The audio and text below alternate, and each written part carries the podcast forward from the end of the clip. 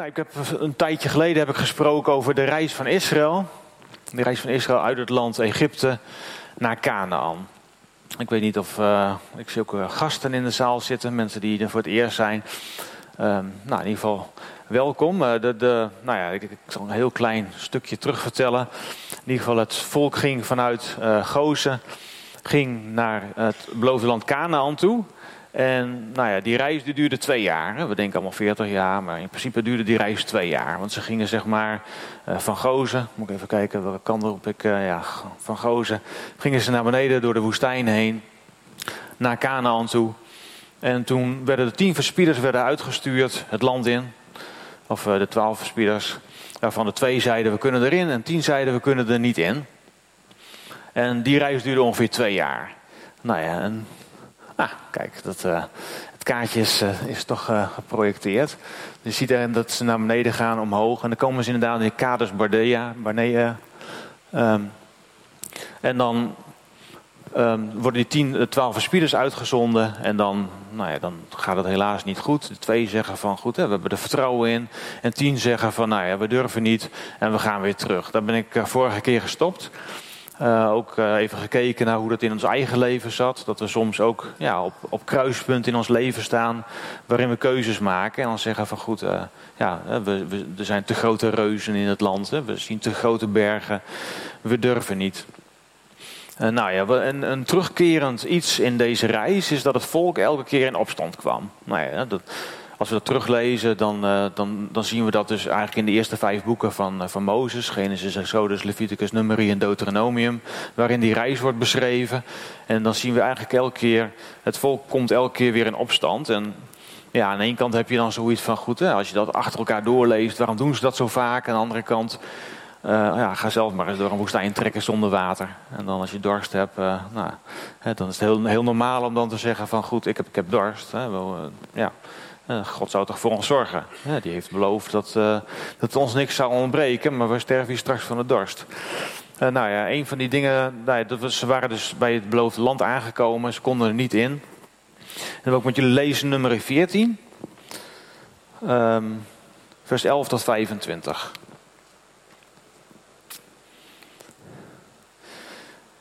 En de Heere zei tegen Mozes: hoe lang zal dit volk mij nog verwerpen? En hoe lang zullen zij niet in mij geloven? Ondanks al de tekenen die ik in het midden van hen gedaan heb. Er zijn enorm veel tekenen gebeurd door de woestijn heen. Ik zal het met de pest treffen en ik zal het verstoten. En ik zal u tot een groter en machtiger volk maken dan het is. Het is niet de eerste keer dat God dat zei. God was echt behoorlijk zat van. En die wil graag met Mozes verder. Maar Mozes zei tegen de heren: Dan zullen de Egyptenaren het horen. Immers, u hebt door uw kracht dit volk uit hun midden geleid. En zij zullen het zeggen tegen de inwoners van dit land, die gehoord hebben dat u, heren, in het midden van het volk bent. Dat u oog in ogen staan, uh, gezien wordt, heren, en dat uw, uw wolk boven hen staat. En dat u overdag in een wolkolom voor hen uitgaat en s'nachts in een vuurkolom. Zou u dit volk als één man doden, dan zullen de volken die, bij geruchten van u gehoord hebben, zeggen, omdat de Heere dit volk niet in het land kon brengen, dat hij hun gezworen had. Daarom heeft hij hen in de woestijn afgeslacht. Nu dan, laat toch de kracht van de Heere groot worden, zoals u gesproken hebt. De Heer is geduldig en rijk aan goede tierenheid. Hij vergeeft de ongerechtigheid en de overtreding. Hij houdt de schuldige zeker niet voor onschuldig en vergeldt de ongerechtigheid van de vader aan de kinderen, tot in het derde en het vierde geslacht.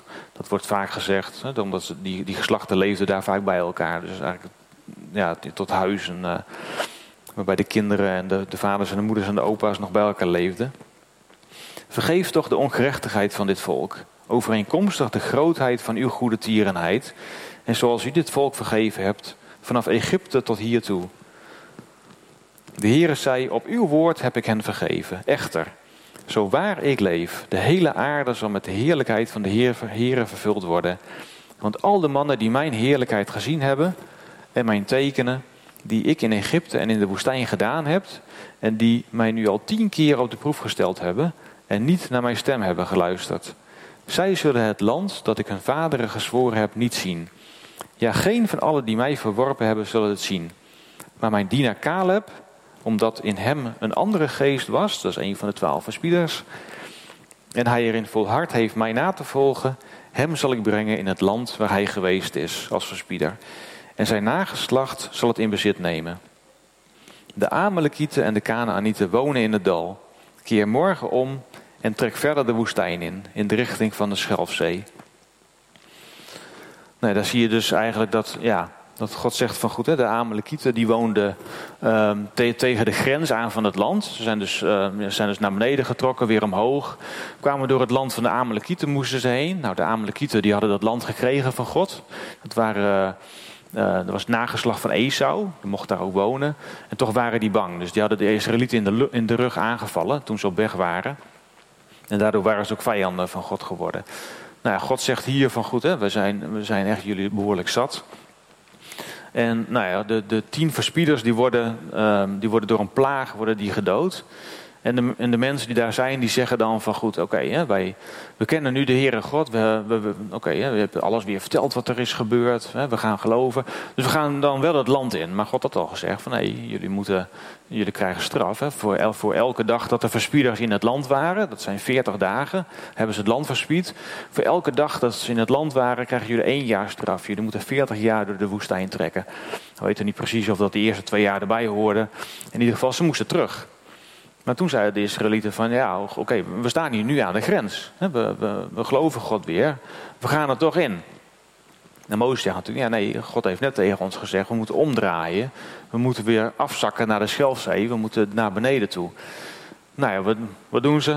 Ze pakken hun zwaarden op en een, een heel aantal mensen gaat toch op weg. Nou, de ark gaat natuurlijk niet mee, die houdt Mozes bij zich.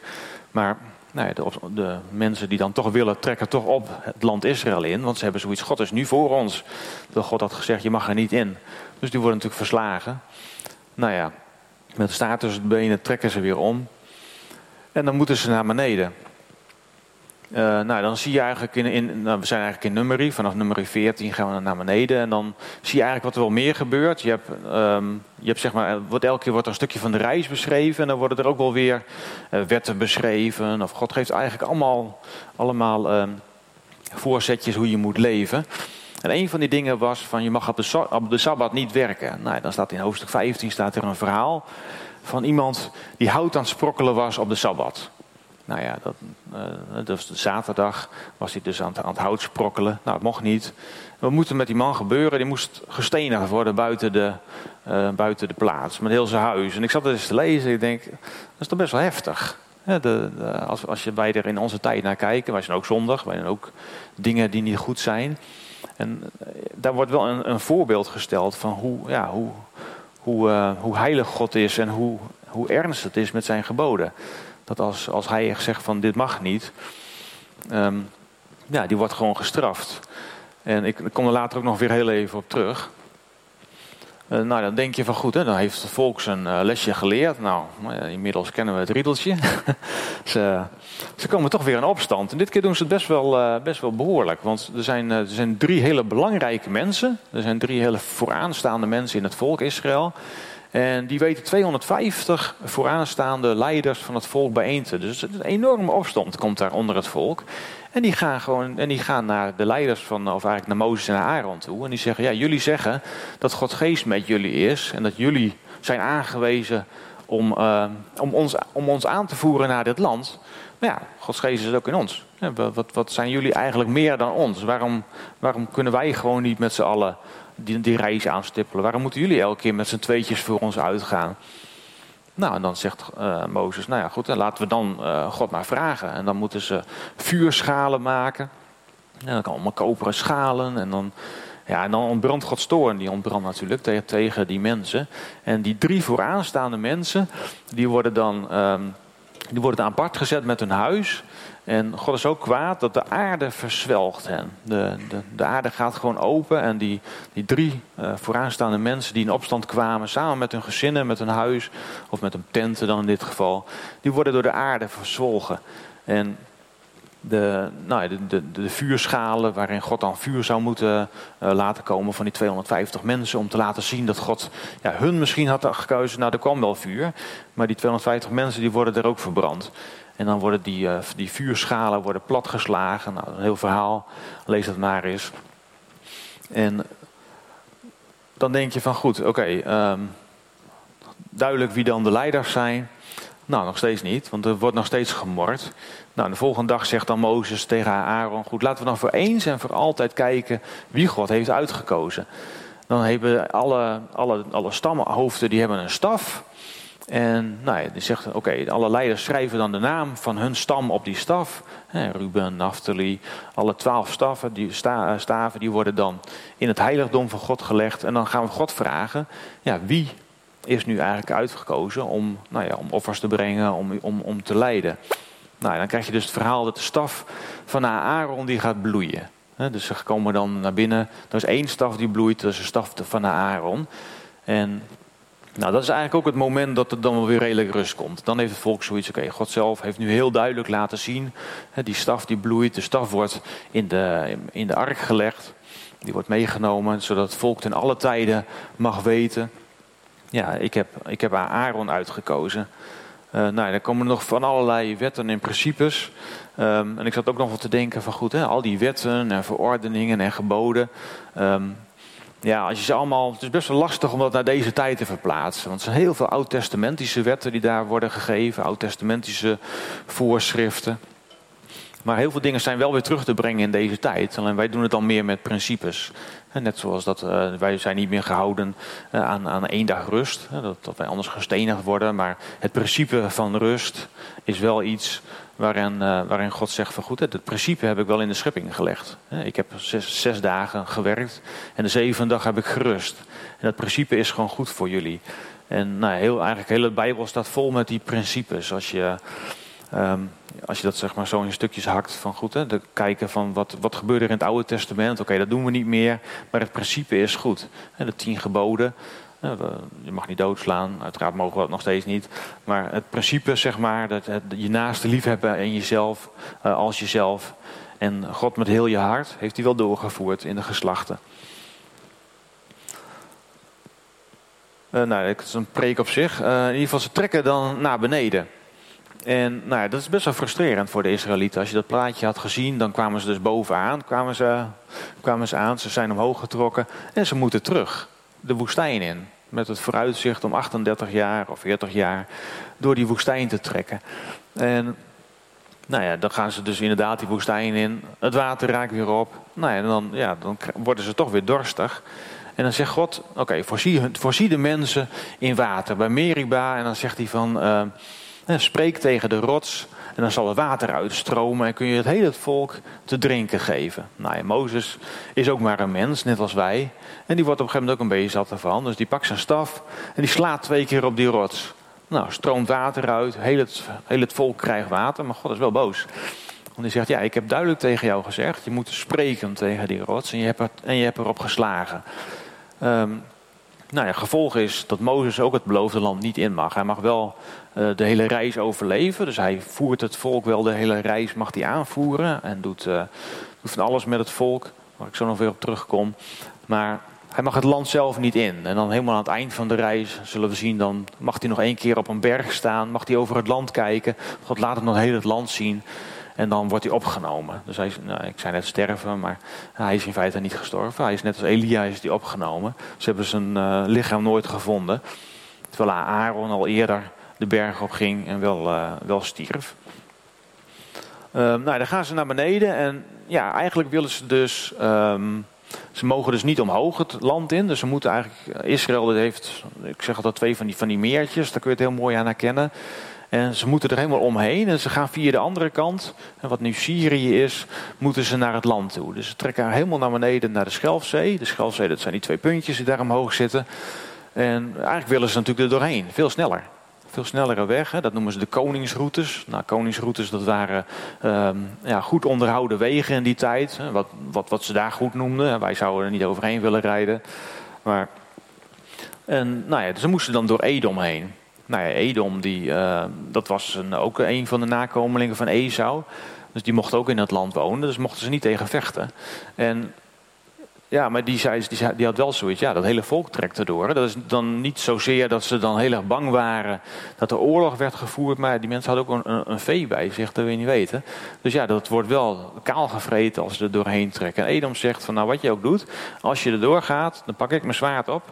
Samen met allemaal volk kom ik je tegemoet en dan mag je vechten. Nou, en daarin zie je het ook dat um, Mozes toen zei, goed, dan, dan gaan we eromheen. We willen nog niet vechten, we gaan eromheen. Dus dat is ook een mooie les. Van je hoeft niet altijd te vechten. En Israël die trekt dan naar het zuiden, naar de Schelfzee. En die gaat dan, uh, nou ja, gaat dan de bocht om en dan eigenlijk om Edom heen. Um, oh ja, en als ze zeg maar, uh, nou ja, dat, dat net gedaan hebben, dan, um, ja, dan wordt het volk inderdaad toch weer boos. Want ze zeggen van goed, hè, dat was een veel snellere route, die koningsroute. Moeten we helemaal naar beneden. Nou, gaan ze weer morren. Nou, dan, ja, God die, die zendt dan dat verhaal van de slangen, zeg maar, die dan in het, het volk binnen het, ja, het volk aanvallen. En dan uh, heeft, ja, uh, ja, het hele volk zou worden gebeten en uitgegroeid worden.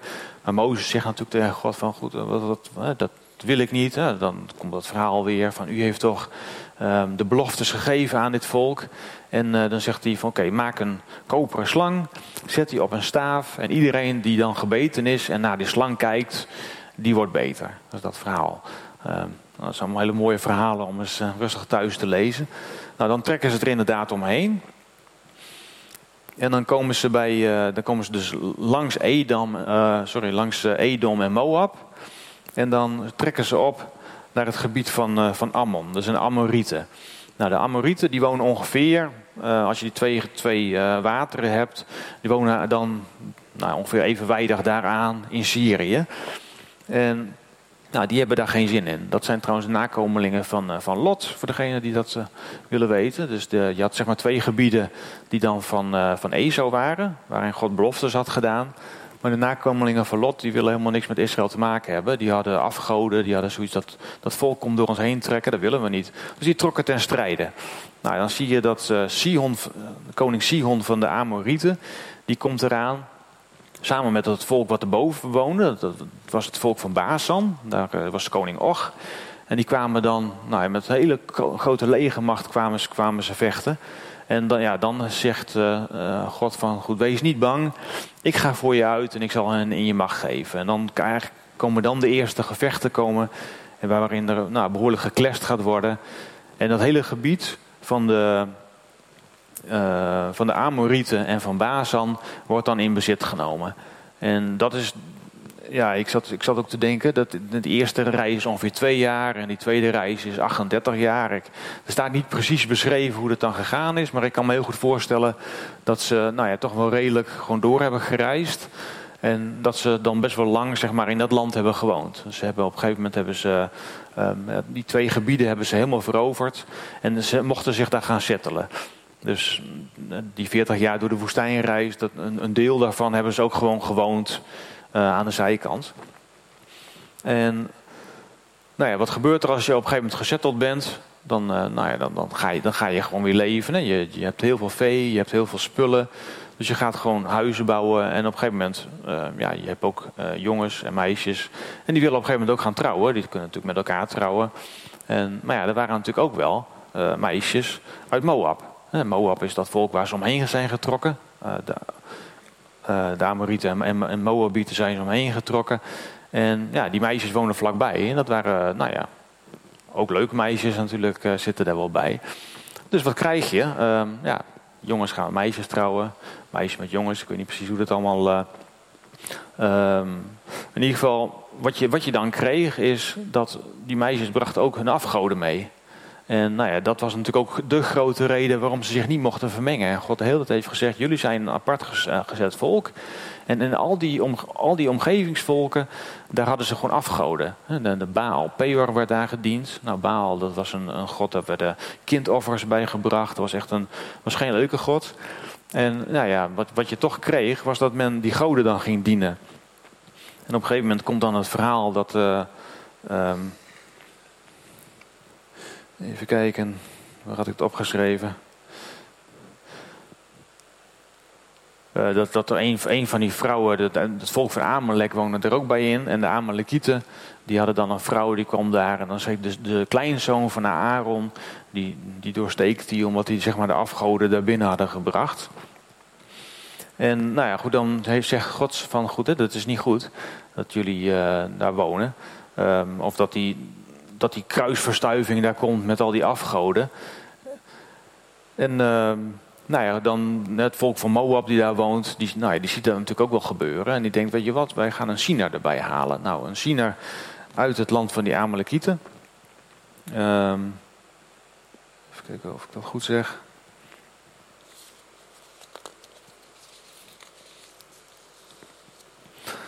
Ja, die, uh, daar halen Biliam erbij. Nou, dan komt het verhaal van Biliam. In die tijd, uh, ja, men weet dat God een grote God is. Uh, Biliam, die, was, die, die kwam uit het volk van de Amalekieten. En nou, Amalek, dat was, dat was eigenlijk een soort nomadenvolk die er een beetje doorheen zweefde. En het is ook trouwens het volk waar Mozes zijn vrouwen vandaan haalde. Toen Mozes zeg maar gevlucht was voor de farao, toen vluchtte hij naar Egypte. En toen kwam hij ja, bij, bij Jethro, en die hoorde bij het volk van die Amalekieten. En daar haalde hij zijn vrouw vandaan. In principe was dat volk Israël ook in, in beginsel was die hun wel goed gezind. Maar omdat ze daar dus gingen wonen, werd het toch een bedreiging. En hebben ze zich op een gegeven moment daartegen gekeerd. En uh, nou ja, dat was natuurlijk best wel bedreigend. Dus nou, Moab en, die, en uh, die Amalekieten die haalden toen uh, Biliam erbij. Nou, Biliam dat was, een, dat was een, een belangrijke man. Dat was ook een, een man die God kende, maar ook een man die afgoden diende. En echt een China die, eh, die gezag had. Ook, uh, nou ja, ik, wij zouden het misschien als een voodoo-priester neer gaan zetten. Hij had gewoon kracht, hij had echt macht. Hij, hij speelde met het duister. En dat wisten ze. De, en de, de koning van, van Edom die dacht van goed, hè, of van Moab, laat ik hem erbij halen en dan vervloekt hij het volk van Israël en dan kan ik de overwinning behalen. Wat misschien, nou ja, waar misschien ook nog wat in zat in zijn gedachten. Dus hij, uh, hij vroeg zeg maar aan Biliam van nou, wil je met ons meegaan? Wil je het volk vervloeken? En uh, ja, hij zegt ja, dat is het volk van God. Die ken ik wel, dat ga ik niet vervloeken. Dus, uh, en dan, nou ja, dan, dan, stuurt hij nog hogere mensen naar Biliam toe. Zegt met goud overladen, je, een groot, grote macht. Hij belooft hem van alles en nog wat. En op een gegeven moment, ja, William zegt, ik ga, ik ga dat echt niet doen. En dan verschijnt God in een droom aan hem en zegt, je mag toch met die mensen mee. Uh, ga naar het volk Israël toe en spreek de woorden die ik tegen je zeg. Nou, dan gaat Biliam met het volk mee en dan komt er weer zo'n verhaal in de Bijbel wat ik niet helemaal snap. En dan uh, God zegt tegen Biliam, ga met het volk mee. Biliam gaat met, of ga met die mensen mee om Israël te vervloeken. Biliam gaat met het volk mee. En God wordt boos op Biliam. dat hij met het volk meegaat. Dan denk ik, oké, dat zijn van die, van die dingetjes in de Bijbel af en toe. En nou, dan zet hij een engel zet hij op, het, op de weg om Biliam te slaan. En Biliam zit op een ezel en die ezel ziet die engel wel. En Biliam ziet die ezel niet. Nou ja, dat is op zich wel een komisch verhaal. Dat die ezel die gaat uh, eerst van de weg af, die drukt een keer zijn, zijn been tegen de muur aan. Uh, ja, de, die wordt kwaad op die ezel, dus die begint die ezel te meppen. En die ezel zegt, zegt tegen hem, wat zit je nou te meppen? Ik, ik bewaar jou, want die engel staat daar. Nou ja, nou, Alleen dat verhaal dat, dat een ezel dat zegt. Hè. Dus Biliam zegt, dan in de Bijbel niet van uh, wat krijgen we nou die ezel praat. Maar die, die begint terug te praten. En uh, nou ja, die ziet dan ook die, die, engel staan. En die begrijpt van oké, ik ben hier toch tegen... Um, ja, wat, moet ik doen? En God uh, zegt dan tegen hem, nou ja, ga toch maar met het volk mee. Of met die mensen mee. En spreek de woorden die ik tegen jou zeg tegen dat volk. Nou, dan krijg je dat ze drie keer proberen om Biliam Israël te laten vervloeken. En wat doet Biliam? Drie keer zegent hij het volk Israël. Nou, hoe mooi is dat? Nou, het zijn van die, van die mooie verhalen in de Bijbel.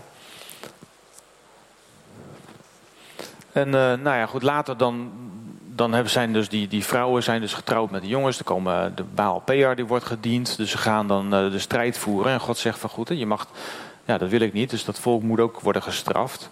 En die gaan dan dat, uh, dat volk aanvallen. En ook dat gebied in bezit nemen. En nou ja, toen, ik, eh, toen ik bezig was om deze preek te maken, in het beginsel wou ik het eigenlijk over, ja, over Gods rust hebben. Ik dacht van goed, hè, we, het is vakantietijd. Uh, ja, ik wil het eigenlijk over, over Gods rust hebben. Want hè, de, de, de, de preken over uh, wat gaan we doen en wat, uh, wat, wat kunnen we en oproepen en zo. Die, nou ja, dat is mooi voor in, als, als de vakantie weer voorbij is. Maar het is ook mooi, net wat ik al zei, God heeft ook rust ingebouwd. Ehm, en toen las ik uh, Deuteronomium 29, vers 1 tot 6. En toen dacht ik, waarom is het eigenlijk belangrijk om deze verhalen weer te horen? Want je kan hier ook zitten en denken van goed, die, die verhalen ken ik eigenlijk wel. Ehm, ja, waarom moet ik deze verhalen elke keer weer horen? Dan wil ik met jullie lezen, Deuteronomium 29, vers 1 tot 6. Waarin eigenlijk Deuteronomium is eigenlijk een beetje een terugblik. Mozes die, uh, die staat eigenlijk op het punt om zijn uh, leiderschap over te geven aan Joshua. En die blikt nog even weer terug. En dan geeft God hem een, een nieuw verbond. En er staat vernieuwing van het verbond met God boven. Maar het is eigenlijk een extra verbond. Dit zijn de woorden van het verbond dat de Heere Mozes geboden heeft met de Israëlieten te sluiten. In het land Moab, naast het verbond dat hij met hen gesloten had op de Horeb. Mozes riep heel Israël bijeen en zei tegen hen: U hebt alles gezien wat de Heere in het land Egypte voor uw ogen gedaan heeft met de farao, met al zijn dienaren en met heel zijn land. De grote beproevingen die uw ogen gezien hebben, die grote tekenen en wonderen. Maar de Heere heeft u geen hart gegeven om dat te erkennen, of ogen om te zien, of oren om te horen, tot op deze dag. U hebt 40 jaar door de ik heb u 40 jaar door de woestijn laten gaan. Uw kleren zijn bij u niet versleten en uw schoenen zijn, uh, zijn niet versleten aan uw voeten. Brood hebt u niet gegeten, alleen manna. En wijn en sterke drank hebt u niet gedronken, opdat u zou weten dat ik de Heere, uw God ben. dit is een heel belangrijk principe. In heel de Bijbel zie je dat, ja, dat God gebruik maakt van gedenkstenen, van altaren, gedenkplaatsen. En de, zeg maar de, hoe het Oude Testament is geschreven, is ook dat het, dat het van generatie op generatie wordt doorgegeven. En die verhalen, hoe Israël um, ja, wordt geholpen door God, um, ja, door alle beproevingen heen. Dat is heel belangrijk om, om te horen, om te, om te zien ook in ons eigen leven. Van goed, hè, waar, waar staan wij? En Israël die mag dat voorbeeld dienen Ehm, het verhaal van Israël door de woestijn mag tot voorbeeld dienen voor ons eigen leven. En er staat bijvoorbeeld ook een keer een verhaal in het Nieuwe Testament van iemand die melaats was. En de discipelen die zeiden tegen Jezus, want zo ging dat in die tijd, hè, wat heeft hij gedaan? Dat hij die ziekte heeft. En toen zei Jezus, hij heeft helemaal niets gedaan, maar hij heeft dat gekregen, zodat hij tot voorbeeld mocht dienen van wat ik ga doen. En toen heeft hij hem genezen. En zo, ja, zo mag ook het volk Israël in het Nieuwe Testament wordt het ook vaak aangehaald. Deze reis mag het voorbeeld dienen voor ons leven. Um, waarbij je gewoon mag zien van goed, hè, hoe, hoe, hoe, ja, hoe functioneert God in ons leven. En, uh, nou ja, bijvoorbeeld de drie-eenheid kun je heel erg mooi ook uit deze verhalen halen. God zelf gaat voor het volk uit. Een wolkolom, vuurkolom, gewoon zichtbaar. Hij geeft, hij geeft leiding en gaat voor ons uit. Jezus zelf is erbij. Als je het verhaal leest dat het volk net uit Israël gaat, dan staat de, engel van de Here, die, uh, die ging tussen, het, tussen Farao en het volk instaan. Nou, dat is een studie op zich, maar de, de keren dat, de engel, dat staat de engel van de Here, als je dat wat gaat bestuderen in de Bijbel, dan zul je zien dat Jezus daarmee wordt aangeduid. En Gods geest die was heel sterk op Mozes. En uh, je ziet bijvoorbeeld op een gegeven moment als het Mozes wat te veel wordt, dan, uh, dan mag hij 70 oudsten aanstellen die, die, hem gaan, uh, die hem helpen. dan staat er bijvoorbeeld in nummer 11, God zet een deel van de geest op de 70 oudsten. Dus je ziet eigenlijk de, ja, de, God de Vader, de, God, God, de Vader gaat vooruit in de wolkolom. God de Zoon reist mee, geeft richting aan. En God de Heilige Geest is op Mozes, is op de oudste. Vervult de mens om de juiste beslissingen te, te, te maken. Het volk van Israël uh, zit, uh, zitten in Egypte. Ja, waar zijn wij zelf begonnen in ons leven? Misschien ben je je leven lang al gelovig, misschien ben je later tot geloof gekomen. Je zat in Egypte. God heeft je geroepen en heeft je uitgeleid. Toen ging je door de Rode Zee heen. Wat wordt aangeduid ook wel als de doop in het Nieuwe Testament. Je, je gaat door de doop, je, je, je bekeert je, je trekt uit, je gaat eh, God achterna, de wolkolom. En je gaat door de Rode Zee heen, je wordt gedoopt. Um, iedereen heeft zijn pad uh, daarin te lopen. Voor de een gaat het wat makkelijker. Hè. Die heeft wel de snelle, de, wat we de woestijnroute aan de bovenkant, uh, naar de Filistijnen, wat we vorige keer gezien hebben, nemen. De ander neemt de koningsroute. Gaat ook allemaal de andere, inderdaad, de, de zware route door de woestijn, met alle dingen die je tegenkomt. met de moeilijke momenten. En nou, ik denk dat heel veel van, die men, heel veel van ons ja, die route ook volgen. Gewoon met, met vallen en opstaan komen we elke keer weer bij God terug. Waarbij God uh, ja, elke keer weer genadig is. En wij gelukkig Nieuw Testament die zijn en de Heilige Geest hebben. Uh, de moeilijkheden die, wij, die we hebben in ons leven. Um, nou ja, dat, dat hebben ze zeker geleerd in de woestijn. De pijnmomenten, als ze bij de bron van Mara aankomen, waar het water bitter is, waar God de wonderen doet. Geweldige momenten, de, de rustplaats bij Elim, bij de waterbronnen en de palmbomen. En zo zit ook ons leven in geweldige momenten soms, waarin we mogen getuigen van Gods kracht, waarin we ja, in het, uh, um, ja, het vuur helemaal door ons heen stroomt als we, als, als we net op een kamp zijn geweest of als we net uit een rustperiode komen. En soms worden ook gewoon de boze aangevallen. Zoals in Ravidim, waar het volk van Amalekieten naar beneden kwam en Israël aanviel. En dan zie je dat als je dan op God vertrouwt, dat hij ook overwinning kan geven. Waarbij je ziet dat, uh, ja, dat Aaron de staf omhoog houdt. En dat hij wordt geholpen ook door anderen. Dat je dat niet alleen hoeft te doen.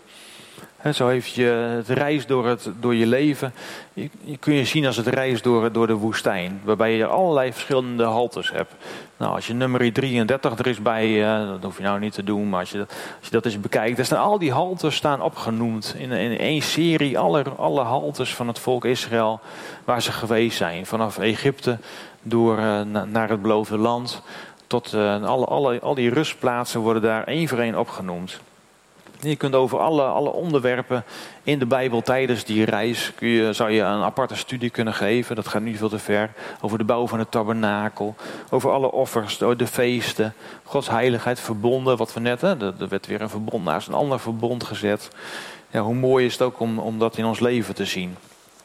Nou, belangrijke keuzemomenten in ons leven. Waarbij de verspieders dan uh, ja, het, land uh, gingen bekijken. En de, nou, belangrijke beslissingen in ons leven waarin we voor God mogen kiezen. Maar in, waarin we ook soms niet voor God hebben gekozen. En ja, we weer terug bij af zijn en weer terug moeten. En ook dan zien we dat God weer helpt. En gelukkig hebben wij in ons leven dan niet gelijk straf, maar we hebben soms wel de gevolgen daarvan te dragen. De gevolgen van de zonde. Soms ondervinden we tegenwerking in ons leven, zoals Edom en Moab, waar het volk Israël niet doorheen mocht trekken. Soms ondervinden wij ook tegenslagen in ons leven van mensen die ons tegenwerken. En God leert ons, we hoeven niet altijd te vechten. We hoeven niet altijd te zeggen van goed, hè, God is voor ons, dus we moeten ons zwaard pakken en we moeten er tegen ingaan. Soms mogen we er ook omheen trekken. En als we dan wel worden aangevallen, dan mogen we ook het land innemen. Want God heeft de overwinning al behaald. Zoals vanmorgen in met het gebed ook al uh, ja, werd, werd gezegd in, in een gebed. God is voor ons uitgegaan. God heeft de overwinning al gehaald. En we mogen dan het land in bezit nemen. En dat mag je geestelijk zien. Dat mag je ook in je eigen lichaam. Mag je gebieden in, in, in bezit nemen. Waarin God al vooruit is gegaan. Maar ook in de omgeving mogen we gebieden aan God toewijden. Um, en ja, soms zijn dat inderdaad geen kleine. Zoals de koning van Og, van Bazan, die dan tegen hen optrok. Daarin staat, nou, misschien leuk om als je dat wil lezen, Deuteronomium 3 staat dat beschreven. Dat is, een, dat is een van de, van de uh, volken van de. Uh, nou, ik kan zo snel niet zien, maar het is, een, het, is, het is een van de laatste van de reuzenvolken. Zeg maar van de eerste volken. Um, waarin, reuzen genoemd worden. Daar is koning is dan een van de laatste afstammelingen van. Hij had een bed van vier meter bij nog iets. Ja, het is echt, echt, dat, dat is echt een reus. Hè? Dat waren die reuzen die ze gezien hadden. Die, uh, ja, lees het maar eens na in Deuteronomium 3. Maar God heeft gezegd, van daar hoef je niet bang voor te zijn, want ik ben voor je uitgegaan. En nou ja, de allerbelangrijkste les is eigenlijk van um, als, je, als je Mozes ziet, hè, bij die vuurschalen, wat ik, gezien, wat ik gezegd had, dan zie je dat God het, ja, die slaat het volk dan met de plaag. Die is er helemaal zat van. En Mozes die pakt dan zo'n uh, offer, zo'n uh, vuurschaal op en die doet verzoening voor het volk. En ja, je, ziet ook dat Mozes daarin het voorbeeld is van Jezus, die, die verzoening voor ons doet. En daar deed Mozes dat heel duidelijk. Die zei van, goed, hè, ik, ik wil verzoening doen voor het volk. En God, uh, ja, God luisterde naar hem. En ja, we noemen dat een voorafschaduwing, dat is een beetje een moeilijk woord.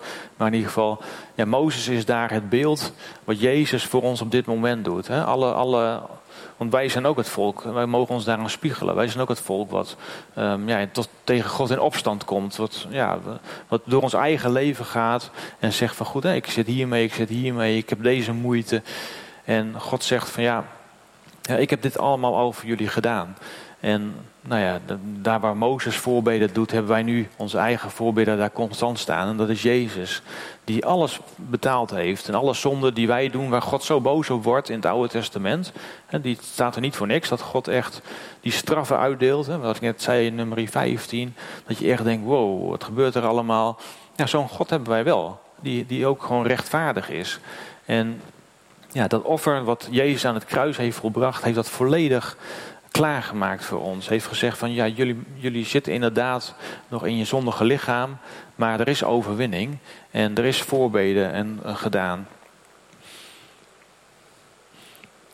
Ja, voor iedereen mag dat een troost zijn. En uh, helemaal, wat misschien ook een troost mag zijn, is helemaal aan het eind van Deuteronomium 29 staat vers 29.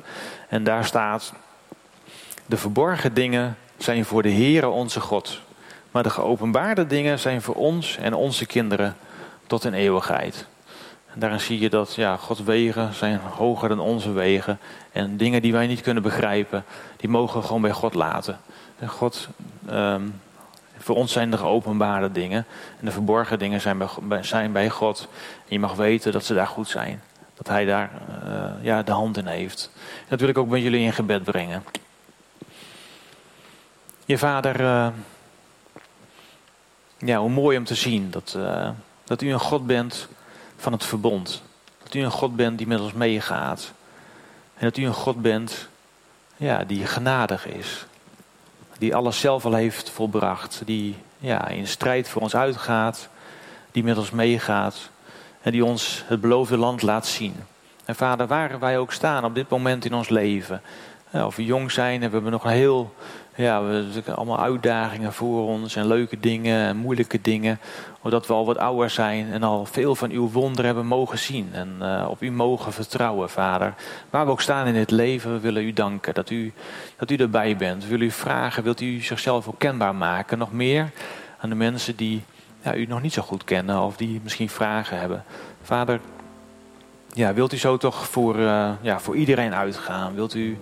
Um,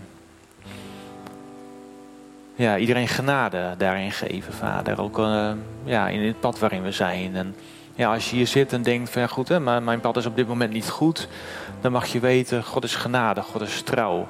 En God is geduldig. En God, er is volledig voor jou betaald. En ja, het is ook goed om te weten dat ja, God niet met bestraffende ogen naar je kijkt als je hier zit. Het maakt niet uit waar je in je leven zit. God kijkt in liefde naar jou. Het komt door het offer van Jezus. Zoals Mozes voorbeden deed voor het volk, zo heeft Jezus voorbeden gedaan voor ons en doet het nog steeds. Het staat in de Bijbel en daar mogen we vertrouwen. God ziet ons daarin aan. En ja, je mag weten dat, ja, dat je op dat punt mag zijn. Dat, dat er niks is wat, wat ja, God te groot is of te moeilijk. En vader, we mogen u danken dat u de dingen die wij niet snappen, dat we de dingen die we moeilijk vinden ook bij u mogen laten. Dat, uh, daar willen we de naam van Jezus over uitspreken. En vader, ik wil ook de naam van Jezus over, ja, over deze gemeente uitspreken. Over de mensen die hier zitten, de mensen die thuis zijn, de mensen die kijken, de mensen die het later terugkijken. Ja, de naam van Jezus wil ik uitspreken over jullie situatie, over de plek waar jullie op dit moment zijn, over de reis waarin jullie op dit moment zijn. Je mag weten dat God met je meegaat. En ja, dat Hij van je houdt als een vader en dat het beloofde land in zicht is. Vader, we danken u dat u zo'n God bent. Amen.